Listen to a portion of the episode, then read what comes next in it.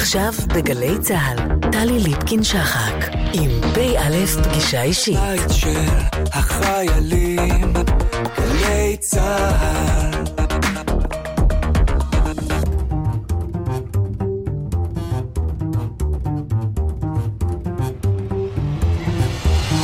כמה דברים שאתם צריכים לדעת על אלוף משנה במילואים זאב רז. הוא נולד בשנת 1947 בקבוצת גבע להורים שהיו ממקימי הקיבוץ. זאב נקרא על שם סבו, שיחד עם רוב משפחת אמו נרצח בשואה. בשנת 1966 התגייס לקורס טיס וסיים במגמת קרב. גיחתו המבצעית הראשונה הייתה במלחמת ההתשה, כשהפציץ מוצב מצרי במטוס מיסטר. לאחר מכן שירת כטייס מטוסי סקייהוק ומטוס פנטום. במלחמת יום הכיפורים שירת בטייסת 69 והשתתף בגיחות רבות בחזית הסורית והמצרית. ביום השני למלחמה במהלך קרב אוויר הפיל מיג סורי מעל החרמון. במהלך השנים כיהן בתפקידים רבים בחיל האוויר, בהם מפקד טייסת 69, ראש ענף במחלקת המבצעים של הטיס, ראש יחידה במנהלת פרויקט מטוס הלוי, עמד בראש משלחת הקליטה של מטוסי ה-F-16 הראשונים לישראל, ובתפקידו האחרון בצה"ל היה מפקד בית הספר לטיסה.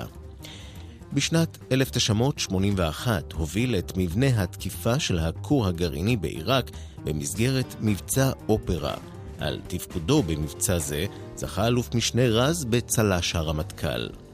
לאחר שחרורו מצה"ל בשנת 1989, ניהל כמה חברות הזנק, סטארט-אפ, אחת מהן הוקמה על ידו. הוא פעיל במיזמים חברתיים כמו Minds of Peace ופתחון לב, ועם שניים מחבריו הקים צוות בשם צומת, המסייע לארגונים לשפר את התרבות הארגונית והתחקיר.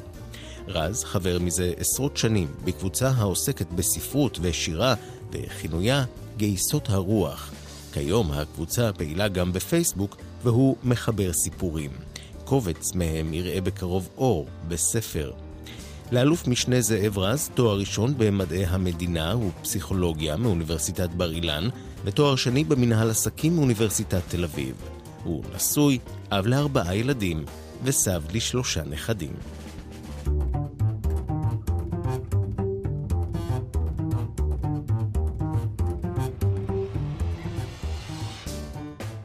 פגישה אישית, אלוף משנה במילואים, זאב רז, שלום לך. ערב טוב. איך נגדיר אותך? קיבוצניק לשעבר, טייס קרב לשעבר, סבא ל... מפקד בית הספר לטיסה לשעבר. כן. מה מכל אה, קורותיך בחיל האוויר או בצה"ל ראוי להיות נזר הבריאה? משהו שלא עשיתי. אני הכי גאה במשהו שלא עשיתי. מהו הדבר שלא עשית? שלחו אותי מלחמת יום כיפור להפיל איזה מטוס אויב על יד תעלת סואץ. ולא יריתי עליו, וזה היה מטוס שלנו. וזה הדבר שאני מאוד גאה בו, זה, זה היה מאוד קרוב שאני אפיל מטוס שלנו. שלחו אותי ליירט מטוס אויב באזור תעלת סואץ, והנווט שלי נועל את המקם, זה היה פנטום, אז מי שאחראי על המקם זה הנווט, שיושב בתחרי. ואני נכנס מאחורי המטוס אויב הזה, והטיל מזמזם, טיל אינפרה אדום, הוא מתחיל להרגיש את החום של המנוע, אז הוא מזמזם כשהוא רוצה כבר להיות משוגר אל המטרה ולהתביית על החום הזה של המנוע, והכל כאילו בסדר. ומשהו פה לא מוצא חן בעיניי, אני לא מסוגל להוציא מילה, אבל טס לבד, והוא לא טס נמוך, והוא לא טס מהר. זה כל מיני דברים שאתה יכול להתעלם מהם די בקלות, ובאמת באותו יום בערך, אולי לא בדיוק באותו יום, מטוס מיראז' שלנו הפיל פנטום שלנו, אה, ופנטום זה לא מטוס ש... שדומה למשהו, רק דומה לעצמו. ופה היה מיראז', באותה תקופה היו גם מיראז'ים שלנו, בחזית הזו של הסואץ, וגם מיראז'ים אה, לובים שבאו לעזור למצרים במלחמה נגדנו. וכדי להבחין בין המיראז'ים שלנו למיראז'ים הלובים, צבעו משולשים צהובים גדולים מאוד על הכנפיים ועל הזנב של המיראז'ים שלנו, כי מגיני הדוד הם היו נורא קטנים והיה קשה להבחין בהם באוויר. ואני מתקרב אל המיראז' הזה, והנווט שלי מתחיל לצעוק עליי. זאביק, תפיל אותו כבר, למה אתה לא מפיל אותו? ואני לא מסוגל לענות לו, למה אני לא מפיל אותו? משהו פה לא מתאים לי, לא, לא מסתדר לי. ובערך בטווח של 400-500 מטר הוא רואה אותי, עד היום אני לא יודע מי זה היה, שובר חזק, ואני רואה משלושים צהובים ענקים. זה היה כחוט השערה שאני אפיל מטוס שלנו. זה הרגע אולי הכי מאושר בקריירה שלי, שאני... משהו שלא עשיתי. ואתה לא יודע מי זה היה? לא, לא, אנחנו לא היינו על אותו ערוץ קשר כמובן, כי את יודעת, מלחמה גדולה, בלאגן. הוא היה על ערוץ אחד, אני הייתי על ערוץ אחר, אני ממש לא יודע מי זה היה. את יודעת, כשכתבתי את הסיפור הזה לפני איזה שנה, אז מפקד הטייסת שלי, שראה את הסיפור הזה, אמר לי, אתה יודע, אני לא ידעתי את זה. אמרתי לו, אם הייתי משגר את הטילטה, היית יודע. ככה זה הלך לאיבוד ברע של המלחמה. אני לא שומעת את המילה פחד בינתיים. הייתה טיצה אחת שפחדתי מאוד, הייתי מוביל משנה אצל אה, אביהם סלע, ואז כשלא הייתי מוביל, בטיסה היחידה שלא הייתי מוביל, באמת פחדתי מאוד. וכל הטיסות האחרות שהייתי מוביל, אה, פעל איזה מנגנון שהוא לא רק אצלי עובד, אצל רוב בני אדם הוא עובד, ולא רק באוויר, שברגע שאתה אחראי על אחרים, אתה פשוט לא מרשה לעצמך לפחד בלי לחשוב על זה בכלל. אבל אתה הרי לא נולדת מוביל. יש אה, דרך אה, לדמות את, ה, את המצבים הללו, להתכונן אליהם באמת? באימונים ובניסיון זה, זה נבנה, אצל רוב האנשים זה נבנה, אבל תמיד יש הפתעות. היו לנו אנשים במלחמת יום כיפור שהופתענו מהם מאוד לטובה, וגם ההפך. במלחמת ההתשה עשית את הגיחה המבצעית הראשונה שלך. כי הרי בששת הימים היית היית, חניך, היית פרח כן. טיס. במלחמת ההתשה היה לא פחות מפחיד במלחמת יום כן, הכיפורים. כן, אני זוכר שטסנו עם מסתרים לתעלת סואץ, ואני זוכר אפילו את אחד החבר'ה בין גילי, אבל הוא גמר קורס טייס כמה חודשים לפניי, שאמר מין משפט כזה שהוא לא נעים לשמוע, אנחנו נשאיר שם מישהו היום, אף אחד לא נשאר שם, אבל הלכנו לשם באמת, זה טבילת אש כזאת. תעלת סואץ עם כל ההקשרים שלה, אפילו אז כבר זה היה אה, עם הרבה רספקט, וזה היה הפצצה, הפצצה צלילה גבוהה, שונה מאוד מהדברים שעשינו יותר מאוחר עם טסים יותר מתוחכמים, אבל באמת אה, מלחמת התשה הייתה מבחינתנו, הדור שלי, הקורס שלי, טבילת אש, שהכינה אותנו לדברים שבאו יותר מאוחר. למה הלכת לקורס טיס? הלכתי כי קראו לי, אני ממש לא האמנתי אה, שאני אצליח בקורס, חשבתי שאני לא מתאים, והיו סיבות לזה שחשבתי כך. ואני לא הייתי היחידי שחשב, היו כמה שהכירו אותי וחשבו שאני מוכשר לדברים אחרים הרבה יותר, ו... אבל זה מסוג הדברים שלא יכולתי להגיד לא, אמרתי, אוקיי, אז יזרקו אותי, אז מה, אז לפחות אני אלמד משהו, אהנה מזה, זה צריכה להיות חוויה מאוד מיוחדת, אבל ברגע שאתה נכנס לזה, אתה מאוד רוצה להצליח, אתה מאוד לא רוצה להיכשל, זה שני דברים קצת שונים, ובאמת הייתי קרוב מאוד אה, בשלב מסוים של הקורס למצב ש... שידיחו אותי מהקורס, אבל mm. זה כמעט קרה, אבל זה לא קרה, למזלי. מה הייתה נקודת התורפה? קודם כל, היה שם שלב שבחיים האישיים שלי, כמו שקורה לאנשים בגיל הזה של 19, אה, סביב גיל 19, שהייתה איזו אהבה נכזבת, וזו הייתה נקודה שהשפיעה עליי, כמו שזה משפיע על הרבה אנשים. וגם זה היה שלב שמבחינת ההתפתחות של לימוד הטיסה, הוא היה שלב ש... שאתה נדרש לעשות הרבה דברים ביחד ולעשות איזו אינטגרציה של דברים שלמדת קודם והם יותר פשוטים. וזה לא פשוט, אני ראיתי את זה גם אחר כך על דורות אחרים, כשאני הייתי מדריך, זה לא פשוט, וזו נקודה שיש כאלה שנכשלים בה. זה האינטגרציה הזו של כמה וכמה דברים בבת אחת, לנווט ולהטיס ול, ולכוון, וזה השלב, מה שקראו אז הבסיסי. היום קוראים לזה בשמות אחרים, וזה היה שלב קשה. הייתה לך אופציה לוותר? גדלת בקבוצת גבע, משפחה של מייסדי הקיבוץ, צורך אה, לבצע עד הסוף והכי טוב. אני נתקלתי בתופעה הזו של ויתור, לפחות במידה שאני מודע לה וזוכר אותה, הרבה יותר מאוחר כשהייתי מפקד ספר לטיסה. אני לא זוכר כשאני הייתי בקורס, אני ראיתי מסביבי מישהו שמחליט לוותר, יכול להיות שהיו ואני לא הייתי מודע לזה, או שאני לא זוכר את זה.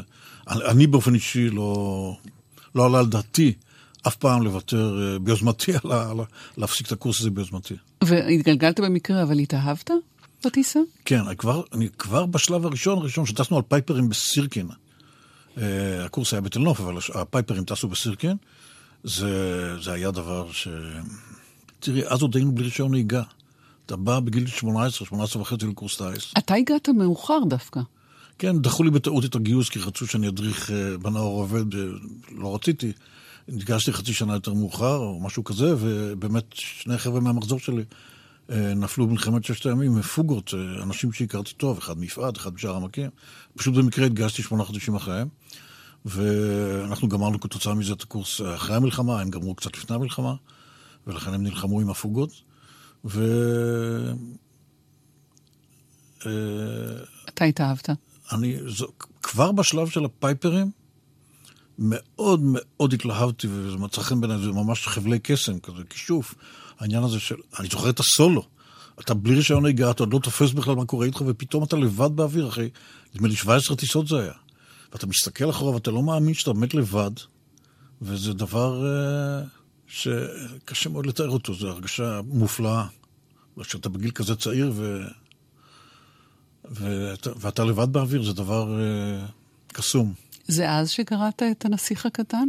תראה, הנסיך הקטן זה ספר שאני חושב שלמדתי ממנו לקרוא. Uh, זה היה ספר מנוקד עם ציורים, ובאמת, במשך השנים מצאתי עוד, עוד, עוד ספרים שלו, של סנט אקזפרי, וחלק מהם אפילו, לא את הנסיך הקטן, הקראתי קטעים מהם, גם לחניכים בקורס טייס וגם לטייסים בטייס שפיקדתי עליה, בעיקר טייסת הפנטומים, סוף שנות ה-70, כי באמת חשבתי שהקטעים שהוא כותב במלחמת העולם השנייה בעיקר, אה, הוא הרי היה שייך לצרפת החופשית של מלחמה נגד, אה, נגד הגרמנים, והתחושות האלה שלו, לי, אליי מאוד דיברו במלחמת יום כיפור, עם התחושה הזאת של ה... לא מפלה, כי אנחנו ניצחנו במלחמה, אבל הייתה הרגשה מאוד קשה, המלחמה הייתה מאוד שונה לרעה מהציפיות שלנו, שנבנו בכמה מלחמות במיוחד, מלחמת ששת הימים.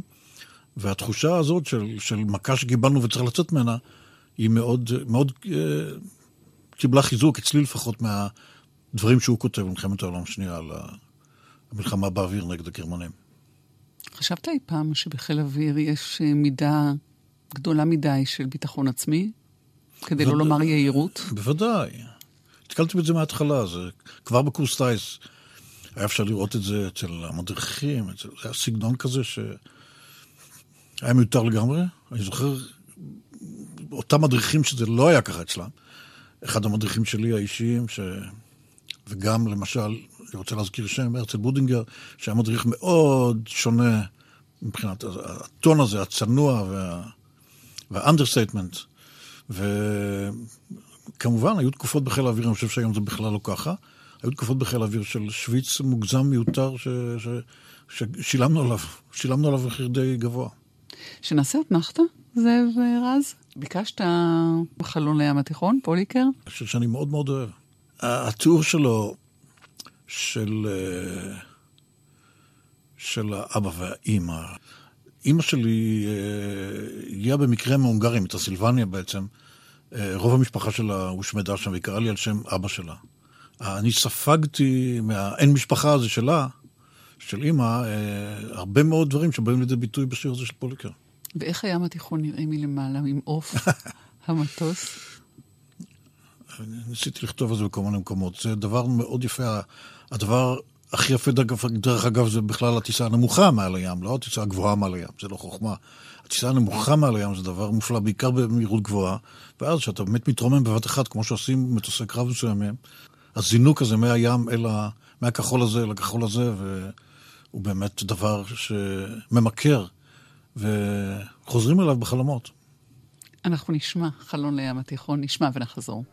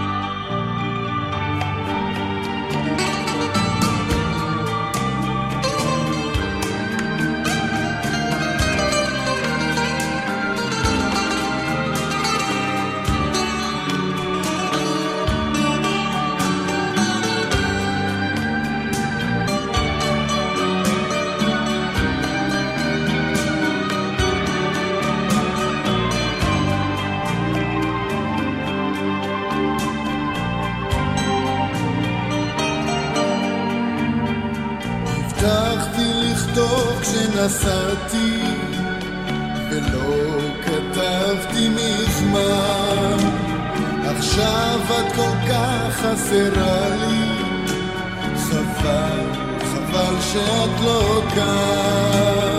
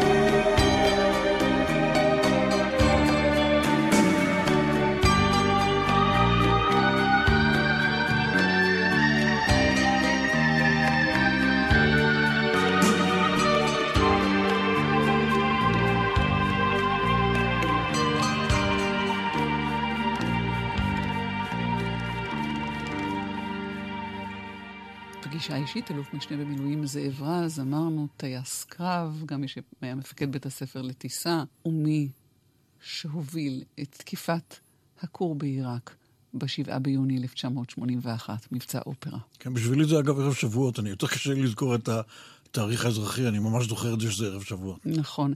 אז חלון לים התיכון, הרגע הזה שבו רואים שוב את חוף הארץ, כן, זה כבר דרך חזרה כמובן, בגובה 40 אלף רגל, וקרה שם דבר שקורה לעיתים רחוקות מאוד, שמפקד חיל האוויר עולה על הרדיו, ו... ומדבר איתנו, ואומר, אה, תשימו לב בנחיתה. מי שמכיר את עברי עם הסגנון הבריטי היבש הזה שלו, הומור ה understatement, תשימו לב בנחיתה, כלומר, הטיסה עוד לא נגמרה, אם לא שמתם לב. אחרי הנחיתה היא תיגמר. כלומר, עברתם את זה בשלום עד עכשיו, כן. תנחתו בבקשה גם בשלום. שלא יהיה פה איזה נפילת מתח, ואנחנו מכירים את זה, שיכולות להיות בעיות אה, גם בשלב הזה כמובן. תשימו לב בנחיתה, זה משפט... אה, ומבחינתך, אתה זוכר איזה אנחת רווחה כשאתה רואה את חוף הארץ? הד- הזיכרון העיקרי שנחרד משם זה לא כך ים, כי אנחנו מדברים על אה, ציון ולא על רמת דוד, אלא זה שאנחנו רודפים אחרי השמש השוקעת. ו- וזה לא קרה במקרה, זה קרה בגלל שבוויכוח שהיה בין המתכננים לבין המבצעים, באיזה שעה אנחנו נעשה את התקיפה, אז אנחנו ניצחנו במרכאות בוויכוח הזה, והתקיפה לא הייתה אחרי השקיעה כמו שהם רצו, מה שנקרא אור אחרון, כדי שהדרך חזרה תהיה בלילה ויהיה יותר קשה לראות אותנו בחושך, אלא דווקא לפני השקיעה, כדי שנראה את המטרה ברור. ואני חושב שזה מאוד מעניין אה, שהוויכוח היה בעצם הפוך ממה שאתה היית מצפה שהוא יהיה. שהמבצעים, הטייסים שהם מסתכנים באופן אישי, ירצו שהסיכוי שלהם לשרוד ולחזור בשלום יהיה משהו יותר גבוה, שזה אומר להפציץ אחרי השקיעה ולחזור בחושך, שאז יותר קשה לראות אותך. לעומת זאת המתכננים, שהם רוצים שהמבצע יצליח בסיכוי הכי גבוה, אולי צריכים לרצות שההפצצה תהיה קצת לפני השקיעה, כדי שהסיכוי לראות את המטרה באופן ברור ולזהות אותה וכן הלאה יהיה משהו יותר גבוה, וזה היה בדיוק ההפך. וזה מאוד אופייני לחיל האוויר שזה היה ההפך, והצלחתי לשכנע את המתכננים שאנחנו נפציץ אה, קצת לפני השקיעה ולא קצת אחרי השקיעה, והתוצאה הייתה שרדפנו אחרי שמש השוקעת שעה וחצי. מאיפה לוקחים אומץ לקחת על עצמך את המשימה להיות המוביל של מבצע כל כך מורכב, כל כך נועז? במרכאות כפולות ומכופלות, אפשר להגיד שזה מדרון חלקלק, זה לא איזו החלטה שאתה לוקח ברגע מסוים. באותו רגע שבחרו בי, אחרי שפיקדתי על טייסת uh, פנטומים, להקים את טייסת ה-F-16 הראשונה, ובאותו רגע שחיל האוויר, uh, קו נטוי מערכת הביטחון, החליטו uh, לטפל בכור הזה ליד בגדד, הגרעיני, אז uh, ברור, זה די מובן מאליו שמי שמקים את טייסת ה-F-16 הראשונה, והמטוסים המבצעים יהיו F-16, גם זה לא היה מובן מאליו, על זה היו הרבה ויכוחים. אה, הוא זה שיוביל את המבצע. אם היו עושים את זה מטוסי F-15 או פנטום, או מבצע אה, קומנדו כזה או אחר, אז, אז אני לא הייתי... אה, והיית מתרגז? היה לך קשה לוותר? זה היה מאוד קשה. הוויכוח למשל, אם, אם יעשו את זה מטוסי F-15 או F-16, זה היה... מי שעמד בראש המבנה שליווה אותנו, F-15 שליוו אותנו כמעט עד הקורס, זה היה בחור מהקורס שלי, שהייתי איתו באוהל בקורס, וכמובן שכל אחד רוצה לעשות את המשימה הזאת. אז המתח הזה בין, כמובן שכל אחד רוצה לא רק לעשות, אלא בוודאי להוביל, לבין האחריות העצומה, עצומה הזאת, שמוטלת על כתפיך. כן, אה, באמת שחזרנו מהטיסה, והחבר'ה סיפרו לי, השבעה האחרים, על מה הם חשבו בטיסה, אה, על המשפחה שלהם ועל החיים שלהם. זה מאוד הפתיע אותי, כי אני באמת אה, חשבתי רק על דבר אחד, לא, חס וחלילה, לא, שאני לא אמצא את המטרה, ו... ואת יודעת, יש על זה סיפור נורא נחמד על הצייד הסיני, ש, שרוצה להוריש את הקשת והחיצים שלו לאחד משלושת ילדיו, והוא אה, שואל את שלושת הילדים שלו על ארז דווי, מה, מה, מה אתם רואים? אז הבן הבכור אומר, אני רואה אותך, אני רואה את האחים שלי, אני רואה חלון ובחלון ציפור. והבן השני אומר, אני רואה חלון ובחלון ציפור, והבן הצעיר אומר, אני רואה ציפור. והוא מקבל את הקשת והחיצים, כי הוא רואה את המטרה ברגע מסוים, זה כל מה שצריך לראות. אז המוביל הוא... מטבע הדברים, כל מה שהוא רואה זה למצוא את המטרה ולהחזיר את החבר'ה אחר כך בשלום, ו- ולא חושב על אף אחד אחר. מעניין שאתה מדבר על זה שדיברתם אחר כך. זה שגור שמדברים אחר כך? אני חושב שזה טבעי, אני לא חושב שיש צוותים ש... גם אם זה שניים, אבל ודאי אם זה שמונה, שלא מדברים אחר כך. גם לא דיברנו רק באותו יום, גם דיברנו אחר כך אה, יותר מאוחר, למשל שנה אחרי המבצע, שעשינו אה, תחקיר חוזר, בשביל הצעירים שבאו לטייסת במהלך שנת 81, תחילת 82. אז הסתבר לי למשל שארבעה, דוגמה, ארבעה מתוך שמונה טייסים סיפרו לנשותיהם, להפתעתי, לפני הטיסה, לאן הם טסים, דבר שאנחנו, על דעתי ועל דעת עוד כמה ותיקים במבנה, זה ממש עניין דורי, מה שהיה שם.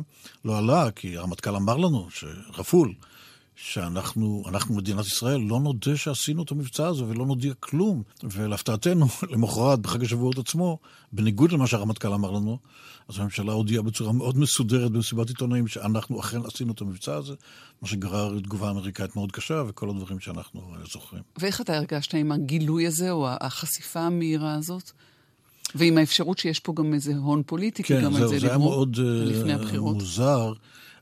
היו כאלה שגם טענו שבכלל ההחלטה של אה, ראש הממשלה ושר הביטחון, באותו זמן מנחם בגין היה גם שר הביטחון, לעשות את המבצע הזה, בעיתוי הזה לפחות, הייתה משיקולי בחירות. אני לא חושב שזה נכון, יכול להיות שההודעה למחרת הייתה משיקולי בחירות, בהחלט יכול להיות, אבל מי ששמע את המודיעין אומר למנחם בגין, שאם הוא יחכה ל-82, הכור יהיה פעיל, חם, ואז בעצם זו החלטה מאוד קשה להפציץ כור פעיל מבחינה רדיואקטיבית, עם כל מה שזה אומר, על קרינה, על הסביבה וכן הלאה וכן הלאה. ולכן הלחץ לעשות את זה ב-81 היה מאוד גדול, ולכן אני לא חושב שהעיתוי הזה, שנדחה כל פעם עוד חודש ועוד חודש, ובמאי כבר כמעט ביצענו את זה, במאי 81, וזה נקטע ברגע האחרון בגלל איזה פתק שבגין קיבל מיושב ראש האופוזיציה, שהפציר בו לא לעשות את זה, וכן הלאה. אז אני לא חושב שזה נעשה משיקולים כאלה, אבל ההודעה, בהחלט יכול להיות שכן. היה מאוד מרשים לראות איך הוא מחכה ולא יוצא למבצע, והוא אמר שזה מה שהוא יעשה, עד שכל השרים יתמכו. והיה לו התנגדות של לפחות שני שרים הרבה מאוד זמן, ו- והוא אמר, אני לא יוצא למבצע עד שיש לי... אני לא יודע אם בסופו של דבר, יכול להיות שהוא כן היה יוצא עם התנגדות של שר אחד או שניים, אבל עובדה שהוא חיכה עם זה בתהליך מאוד מרשים, עם הרבה סבלנות, עד שכל השרים תמכו.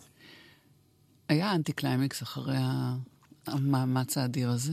כן, אני חושב שלכולם יש אנטי קליימקס, אני יכול לספר על האנטי קליימקס שלי, כי אצלי זה נמשך אה, כמה שנים. בפירוש זה דבר שצריך להתמודד איתו, זה כמובן תלוי גם באישיות, יש אנשים שאין להם בעיה כזו בכלל. אני מניח למשל שאילן רמון, כפי שאני זוכר אותו, זה הייתה אצלו בעיה מאוד קטנה, כי יש לו אופי כזה. היה לו. כן, היה לו אופי כזה, שאני לא חושב שהייתה לו בעיה כזו. אבל לך כן הייתה לי בעיה. כן הייתה, כן. הייתה לי, אני חושב שחלק מה... שלילות רישיון נהיגה שהיו לי, והקורסי נהיגה מונעת שעשיתי, ועוד כל מיני דברים, הם באו מהאנטי קליימקס הזה. בן אדם בא לקורס טייס, הוא לא חושב שהוא מתאים, וגם חלק גדול מהסביבה שלו לא חושבת שהוא מתאים, שהוא מתאים לדברים אחרים. הוא, הוא להפתעת הסביבה שלו ושל עצמו, ושל עצמו, הוא מצליח בקורס, ונעשה טייס קרב, ונעשה מוביל, ו, ומצליח יותר ויותר, ונעשה מפקד טייסת, ובוחרים בו להיות מפקד טייסת F-16 הראשונה. זה כל הזמן הולך לאיזה שיא שבאמת מגיע... אה, לשיא שמעט מאוד טייסים אולי זכו לו, של להוביל כזה מבצע היסטורי של... ואז, כל דבר שאתה עושה אחרי זה, תלוי איך אתה לוקח את זה, אבל כל דבר שאתה עושה אחרי זה, אה, הוא עלול להתגמד מול ההישג הזה. אני לא זוכר שהגרשתי ככה בית ספר לטיסה, ממש לא. כשהייתי מפקד בית ספר לטיסה, וזה היה כמה שנים טובות אחרי זה, ממש לא הגעתי אנטי קליימקס, אבל היו תקופות אחרות. למשל, תקופה מסוימת שהייתי בלימודים, תקופה מסוימת שהייתי בתפקידי מטה, וכן הלאה וכן הלאה. היו זה תקופות שהרגשתי תקופה של אנטי קליימקס שלא היה פשוט להתמודד איתה. חיפשת את הריגוש הבא? אה, יכול להיות שזה איזשהו סוג של, אה, של ריגוש, של התמכרות. אני זוכר שאיזה פסיכולוג אמר לי פעם שהטיסות האלה, למשל סיפרתי לו שאני תמיד משתדל לטוס אה, במטס הראשון בבוקר, טיסות האימונים נעשות במטסים. כשסיפרתי לו שאני אה, אהבתי מאוד לטוס במטס הראשון בבוקר, הוא אומר, שמע, זה סוג של... אה, הטיסה הזו זה משהו שמזריק לך לדם איזה חומר, זה גם כן דבר שאתה יכול להתמכר אליו, ויכול להיות שזה מה שהיה. וכשאתה מפסיק לטוס, אני זוכר, היה לי חבר שאמר, הוא כנראה ציטט משהו, מישהו, שטייסי קרב הם בעצם מאיטים פעמיים. הפעם הראשונה זה שהם מפסיקים לטוס. אז גם אז, בלי קשר למבצע אופרה, השלב הזה שאתה מפסיק לטוס מטוסי קרב, זה, זה סוג של אה, דבר שלחלק מהאנשים, לי למשל הוא לא היה קל, אני מניח שלחלק מהאנשים זה יותר קל, עוד פעם עניין של אופי, וזה לוקח, לי זה לקח כמה שנים אה, אה, לצאת מה, מהאנטי קליימקס הזה. זה עליך אמרו, זאב רז לא ייהרג בטיסה, לפני כן הוא ייהרג על הכביש. כן, זה רם ירפז שהיה המפקד שלי ברמת דוד, זה בחור שהיה בשבי המצרי כמה שנים, ו... אדם מאוד מיוחד, הוא אה, יחד עם החברים שלו תרגם את ההוביט מאנגלית לעברית, הוא גם סרג בשבי שמאלות לבנות שלו, באמת איש אה, יוצא דופן. והוא אמר בחיוך יום אחד, אה, אל תדאגו, לא ייהרג בטיסה כי הוא קודם ייהרג על הכביש, כי הוא ראה איך אני נוהג. אז תגיד, אולי בכלל טייסים הם אנשים שנולדו להיות טייסים, גם אם הם לא יודעים את זה על עצמם. צריך איזה אופי מיוחד, איזה רכיבים כאלה. כן, אני חושב שזה יותר מדויק לגבי טייסי קרב, כי טייסים שהם לא טייסי קרב, אלא הם טסים במטוסים אחרים, עוד פעם, אני לא יכול להעיד על טייסי מסוקים, כי גם שם יש דברים מאוד מיוחדים ולא קלים בכלל. אני לא, אני לא חושב שלהיות טייס של uh, מסוק, לא משנה אם זה מסוק קרב או מסוק בטיסות לילה שלהם, זה דברים מאוד קשים ומסובכים ו...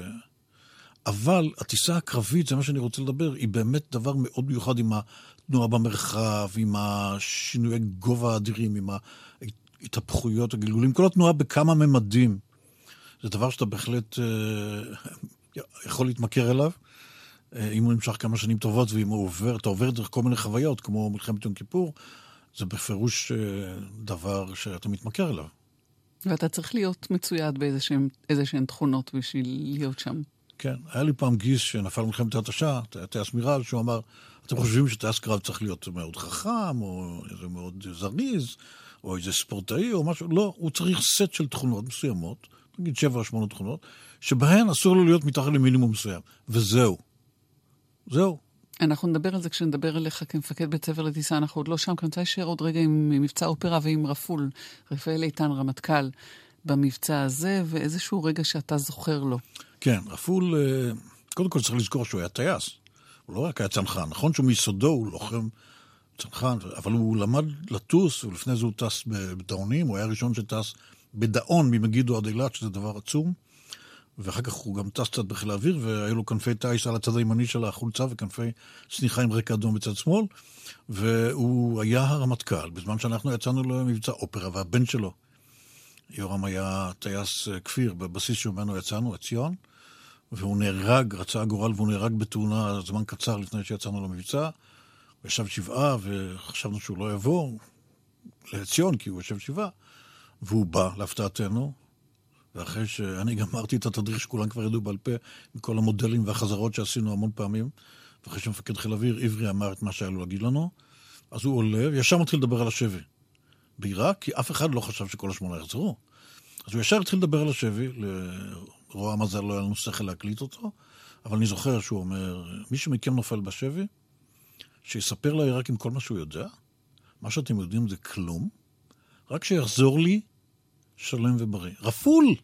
ככה רפול מדבר. אני זוכר שיפתח ספקטור, מפקד הבסיס שלנו, שטס איתנו לבגדד, ניגש אליי ואומר לי, זאביק, תגיד לטייסים שלא אלה ההנחיות של חיל האוויר, אז כמובן לא, לא היה שום צורך להגיד, כולם הבינו שזה אב שכול מדבר ולא הרמטכ"ל.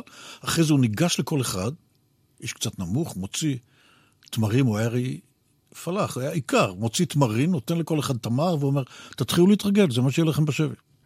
רפול הוא הרמטכ"ל שהעניק לך צל"ש על מבצע האופרה. זה היה קצת, אני זוכר שהיה ויכוח קטן על הדבר הזה, כשאני אמרתי שאני חושב שאו שנותנים לכל השמונה, או שלא נותנים לאף אחד, אבל מפקד חיל האוויר אה, המליץ לרמטכ"ל לתת לי, הוא אמר, אם זה לא היה מצליח, היינו באים בטענות אליך, לא לאף אחד אחר. נעשה אתנחתא. ביקשת את החיבושיות Fixing a Hole. כן, אני מאוד אוהב את השיר הזה בגלל שני דברים. קודם כל, הקטע הזה שאני מתקן חור במקום שהגשם נכנס, אה, אבל העיקר זה השורה הזאת, where I belong, I'm right. זו הסיבה, אני חושב, שאני כל כך אוהב את השיר הזה. לקח לי זמן להבין מה הם אומרים בשיר הזה, האנשים הצעירים האלה. במקום שאליו אני שייך, שם אני צודק, שם אני נכון, שם אני מתאים. ורק יותר מאוחר, כשהייתי המון פעמים במצב של תחושה של חוסר שייכות, המקום שאני נמצא בו, אני לא שייך אליו, ואז, כשאתה לא שייך למקום שבו אתה נמצא, אתה בהכרח not right. וזה דבר אה, שבא עם הניסיון ובא עם השנים, ותמיד השתוממתי איך אנשים כל כך צעירים הבינו את זה וידעו לכתוב את זה כל כך יפה. Fixing a Hole. נשמע ונחזור.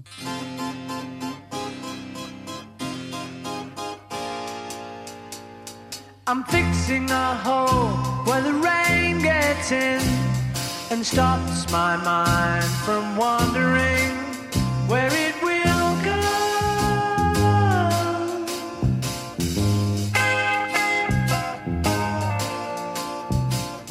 I'm filling the cracks that ran through the door and kept my mind from wandering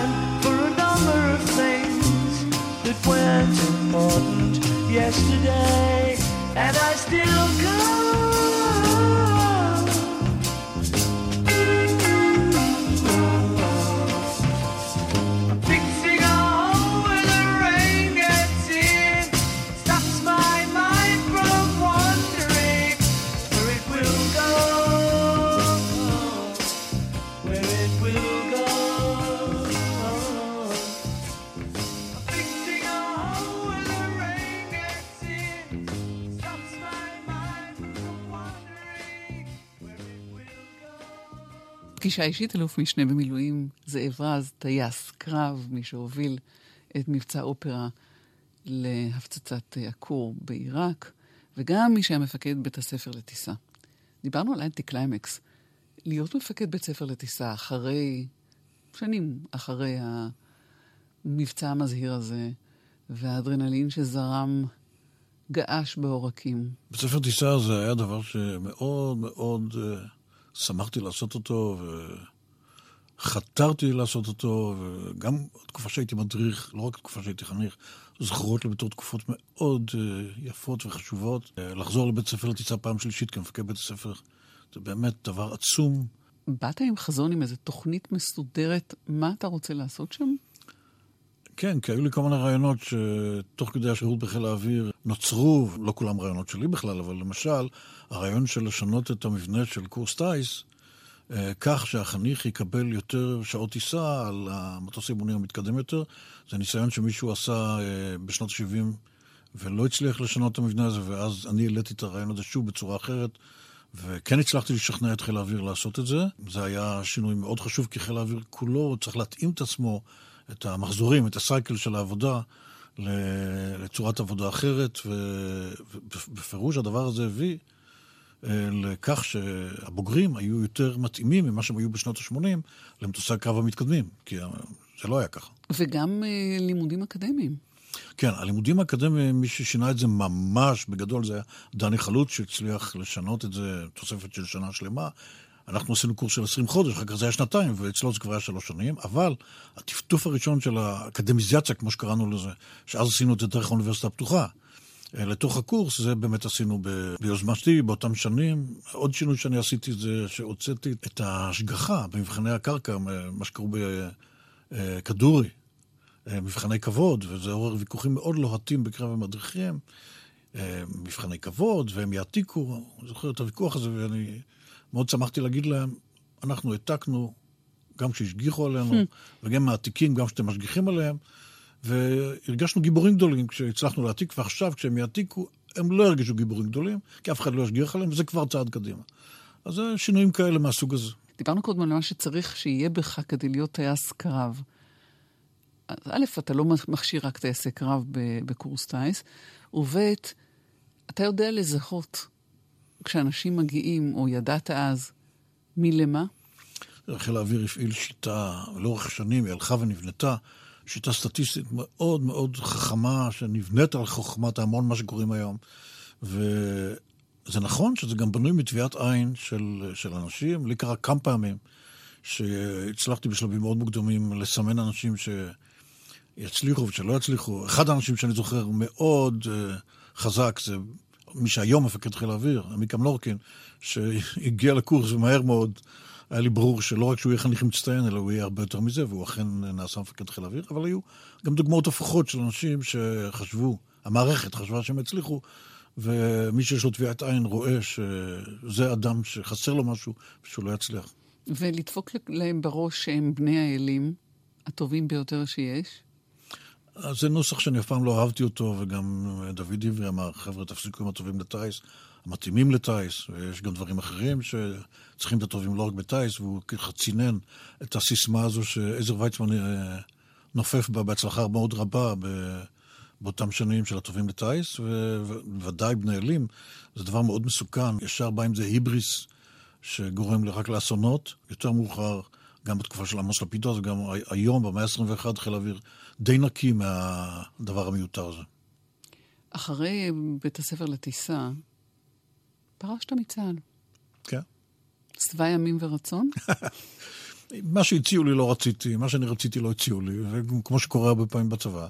ואז אמרתי, אה, בשביל מה, בשביל מה להישאר? ויש דברים אחרים לעשות, ובאמת ניהלתי שש שנים מכללה לטלקומוניקציה שהיום כבר לא קיימת ב- בירושלים, והיה מאוד מעניין. בעוד שנת 2000, הגרביטציה, אני קורא לזה, החזירה אותי מתחומים שאני רציתי להתרחק מהתחום הביטחוני, באמת הצלחתי בזה בשנות ה-90, אבל משנת 2000 והלאה, אה, כל מיני שיקולים החזירו אותי לתחום הביטחוני, ומאז אני עובד בהיקף כזה או אחר אה, בתחום הביטחוני, אבל גם בנושאים שברוח, אני התחלתי לכתוב בשנים האחרונות, קובץ של הסיפורים האלה שכתבתי יצא ב...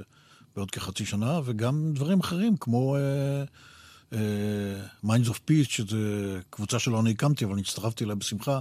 אנחנו עושים uh, פגישות עם פלסטינים, משוחחים איתם על הסדרים אפשריים, והארגון ששמחתי להצטרף אליו, פתחון לב, שמטפל, זה הקטע שאני נוגע אליו בטיפוח של בני נוער ש, שקשה להם, וליווי של לאורך שנים, גם לפני השירות הצבאי וגם תוך כדי ואחרי השירות הצבאי. אני חושב שזה ארגון שעושה עבודת קודש ממש, פתחון לב. ו... וקבוצה קטנה של שלושה חבר'ה, שאני אחד מהם, שקוראים לעצמה צומת כזה, ראשי תיבות של uh, עבודת צוות, מנהיגות ותרבות של תחקיר, ש... קבוצה שמלווה ארגונים מסוימים ומשפרת בהם תהליכים בהיבטים האלה שהזכרתי. על Minds of Peace. כן, Minds of Peace זה, זה, זה משחק מילים על Peace of Mind, וזה ניסיון ללכת בעקבות הניסיון של דרום אפריקה ושל צפון אירלנד, ולבנות uh, משא ומתן ברמה של העם. כי מה שלמדו uh, אנשים מסוימים מהלקחים של מה שקרה בדרום אפריקה ובצפון אירלנד, שזה לא מספיק ש... שיש מגעים ברמה של ההנהגה. היום אין כל כך אולי, אבל היו תקופות שהיה. כי אם אין תקשורת ואין... Uh, אתה לא מלווה את המשא ומתן הזה ברמה שיותר נמוכה, לא רק בהנהגה, אז יש בעיה, וראינו את זה למשל באוסלו. ו... ולכן uh, המפגשים האלה שאנחנו עושים כבר כמה שנים, ברמאללה, בירושלים, בתל אביב, ובכל מיני מקומות כאלה, למשל, אני שמחתי לפני איזה שנתיים להיות במטה של, ה... של הפתח ברמאללה ולמצוא שם את ספר הזוהר. סתם דוגמה שאליי זה מאוד דיבר, כי אם החבר'ה האלה ברמאללה, במטה של הפתח, מחזיקים את ספר הזוהר, אז אולי יש תקווה. ואתה לא חושב שהם מתייחסים אליכם כאל חבורת הזויים אה, שלא מבינים מה שבאמת קורה פה? אה, אני, אם מישהו מתייחס לזה ככה, אז אפשר לשלוח לו. ו... אתם לא, אני אגיד אחרת, ואתם לא נואשים בהינתן ההתפתחויות האחרונות או הקיפאון האחרון? אסור להתייאש. מי שמתייאש הוא מעיד בעיקר על עצמו. אני תמיד בעניין הזה של להתייאש חושב על ברנר, שתמיד עם האף על פי כן הזה שלו, שהוא היה מאוד פסימי, ברנר, לגבי הציונות. והסיפור האישי שלו באמת נגמר רע מאוד. אבל, אבל האף על פי כן הזה של ברנר, שאני ספגתי אותו מסבא שלי, שמאוד אהב את ברנר, אני חושב שהוא הדגל בעניין הזה. ופתחון לב זה משלים את, ה, את התפיסה של חברה אזרחית ושל העתיד בכך שאתם מטפלים באוכלוסייה שצריכה חיזוק. כן, הרי כל הדברים האלה בעצם אתה יכול להגיד, גם Minds of Peace, בפגישות עם הפלסטינים וגם פתחון לב. רגע, זה דברים שהמדינה צריכה לעשות. אבל הרבה מאוד אנשים הבינו כבר הרבה זמן, הרבה לפניי, שיש הרבה דברים שצריך לעשות, כי המדינה לא עושה אותם, לא רק בישראל. ואז אזרחים לוקחים ועושים אותם. וזה המפגשים עם הפלסטינים, לאורך זמן, שנים, בכל מיני מקומות. וגם העבודה הזו של פתחון לב, ש... שהיא לא יוזמה שלי, אני הצטרפתי לזה באיזשהו שלב. וזה דברים שבאמת החברה האזרחית, טוב שהיא עושה, חשוב שהיא עושה, ואסור בשום אופן להשאיר את זה רק למדינה, את הדברים האלה. הקמת לפני מספר שנים קבוצת פייסבוק שנקראת גייסות הרוח. היא הגיעה לפייסבוק כקבוצה סגורה מאיזשהן סיבות טכניות, אבל זה התחיל ממפגשים שמתקיימים עד היום, פעם בחודש, של קבוצה שחלק גדול ממנה הם באמת טייסי קרב לשעבר, אבל חלק אחר זה אנשים כמו שופטת מחוזית ועיתונאית ו... ומדען ממכון ויצמן שהוא חתן פרס ישראל וכן הלאה וכן הלאה.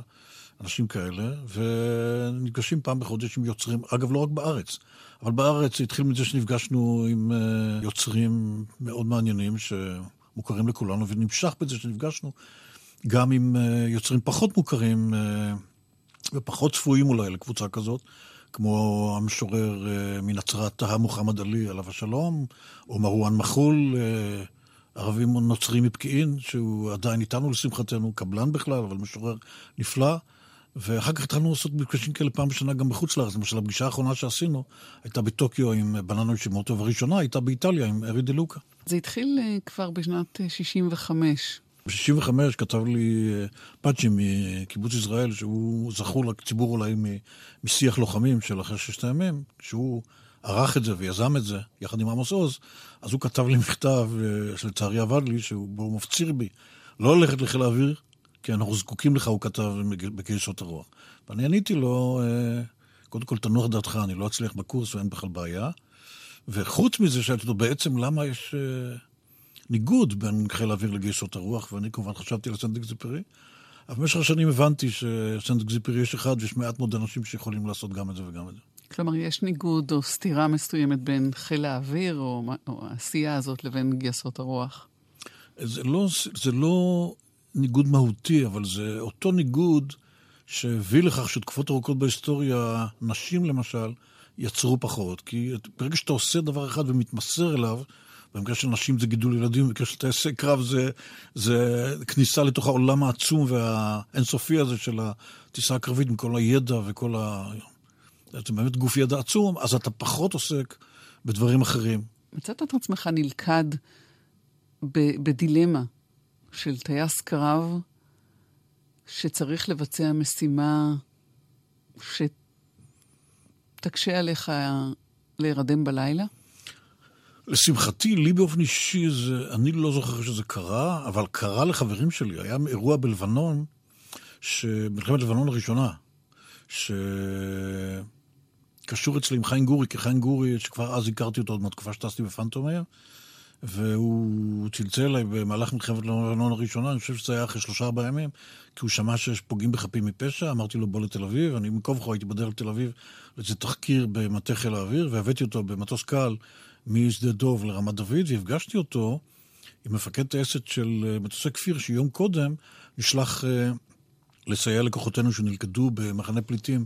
הם טעו בניווט ובדרך לצור הם uh, נתקעו ברשדיה, הם לא היו צריכים להיות שם, אבל ירו עליהם אש תופת, והם קראו לעזרת חיל האוויר, והוא בא עם רביעיית מטוסי כפיר, בחור בשם דני סחף, גם כן בן קיבוץ, והוא ביקש מהם מטרה, מוגדרת, והם לא יכלו לתת לו מטרה מוגדרת כי הם לא היו מסוגלים, בלחץ שהם היו בו. וככה נמשך דו-שיח של חירשים, זו הקלטה נמצאת אצלי עד היום. מי ששמר עליה זה הרצל בודינגר, שהיה אז מפקד uh, הכנף שלנו ברמת דוד. ו... ובסופו של דבר הוא לא סייע לכוח, כי הכוח לא היה מסוגל לתת לו בניין שממנו יורים עליהם. וזו דוגמה קלאסית של uh, דילמה נוראה, שאני לשמחתי באופן אישי לא נקלטתי עליה אף פעם, אבל אותו חבר, שהוא אגב מהדור של החניכים שלי, צעיר ממני בשנתיים, היה בא ויצא ממנה אה, כמו שצריך. אתה מבין שהדור של החניכים שלך צעיר ממך בסך הכל בשנתיים. נכון. זה חיל האוויר. היום זה אולי שלוש שנים, אבל אז, בשנות ה-60 וה-70, אנחנו היינו מבוגרים בדרך כלל, לא תמיד, בשנתיים. אני זוכר את המדריכים שלנו. אנחנו היינו בני 19, הם היו בני 21. איזה עומס. אנחנו נפרדים, אלוף משנה במילואים, אה, זאב, זאביק, רז, מדינה מדינה לעמי הנודד. כן. זה שיר שגדלנו עליו uh, בשנות החמישים. אני זוכר את זה כ... בעיקר עם יום עצמאות, אבל לא רק. ובאמת, הדור הזה שלנו, של ה...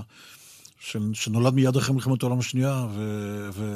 וצמח עם המדינה בשנות, סוף שנות 40 ותחילת שנות ה-50, השיר הזה הוא באמת השיר שאולי מבטא יותר מכל דבר אחר את מה שגדלנו עליו. תודה רבה לך. תודה רבה לך, טלי. נגיד גם שנה טובה. שנה טובה, שתחדל אולי הרוח הרעה שנושבת בארצנו בשנים האחרונות, ותתחיל לנשוב רוח טובה. אמן. ונגיד תודה גם אה, לנחום וולברג שערך איתי והפיק את המשדר הזה, ליאיר בשן על הביצוע הטכני, וכמובן לכם שהאזנתם לנו. אני טלי ליפקין שחק, שנה טובה לכולכם. היו שלום.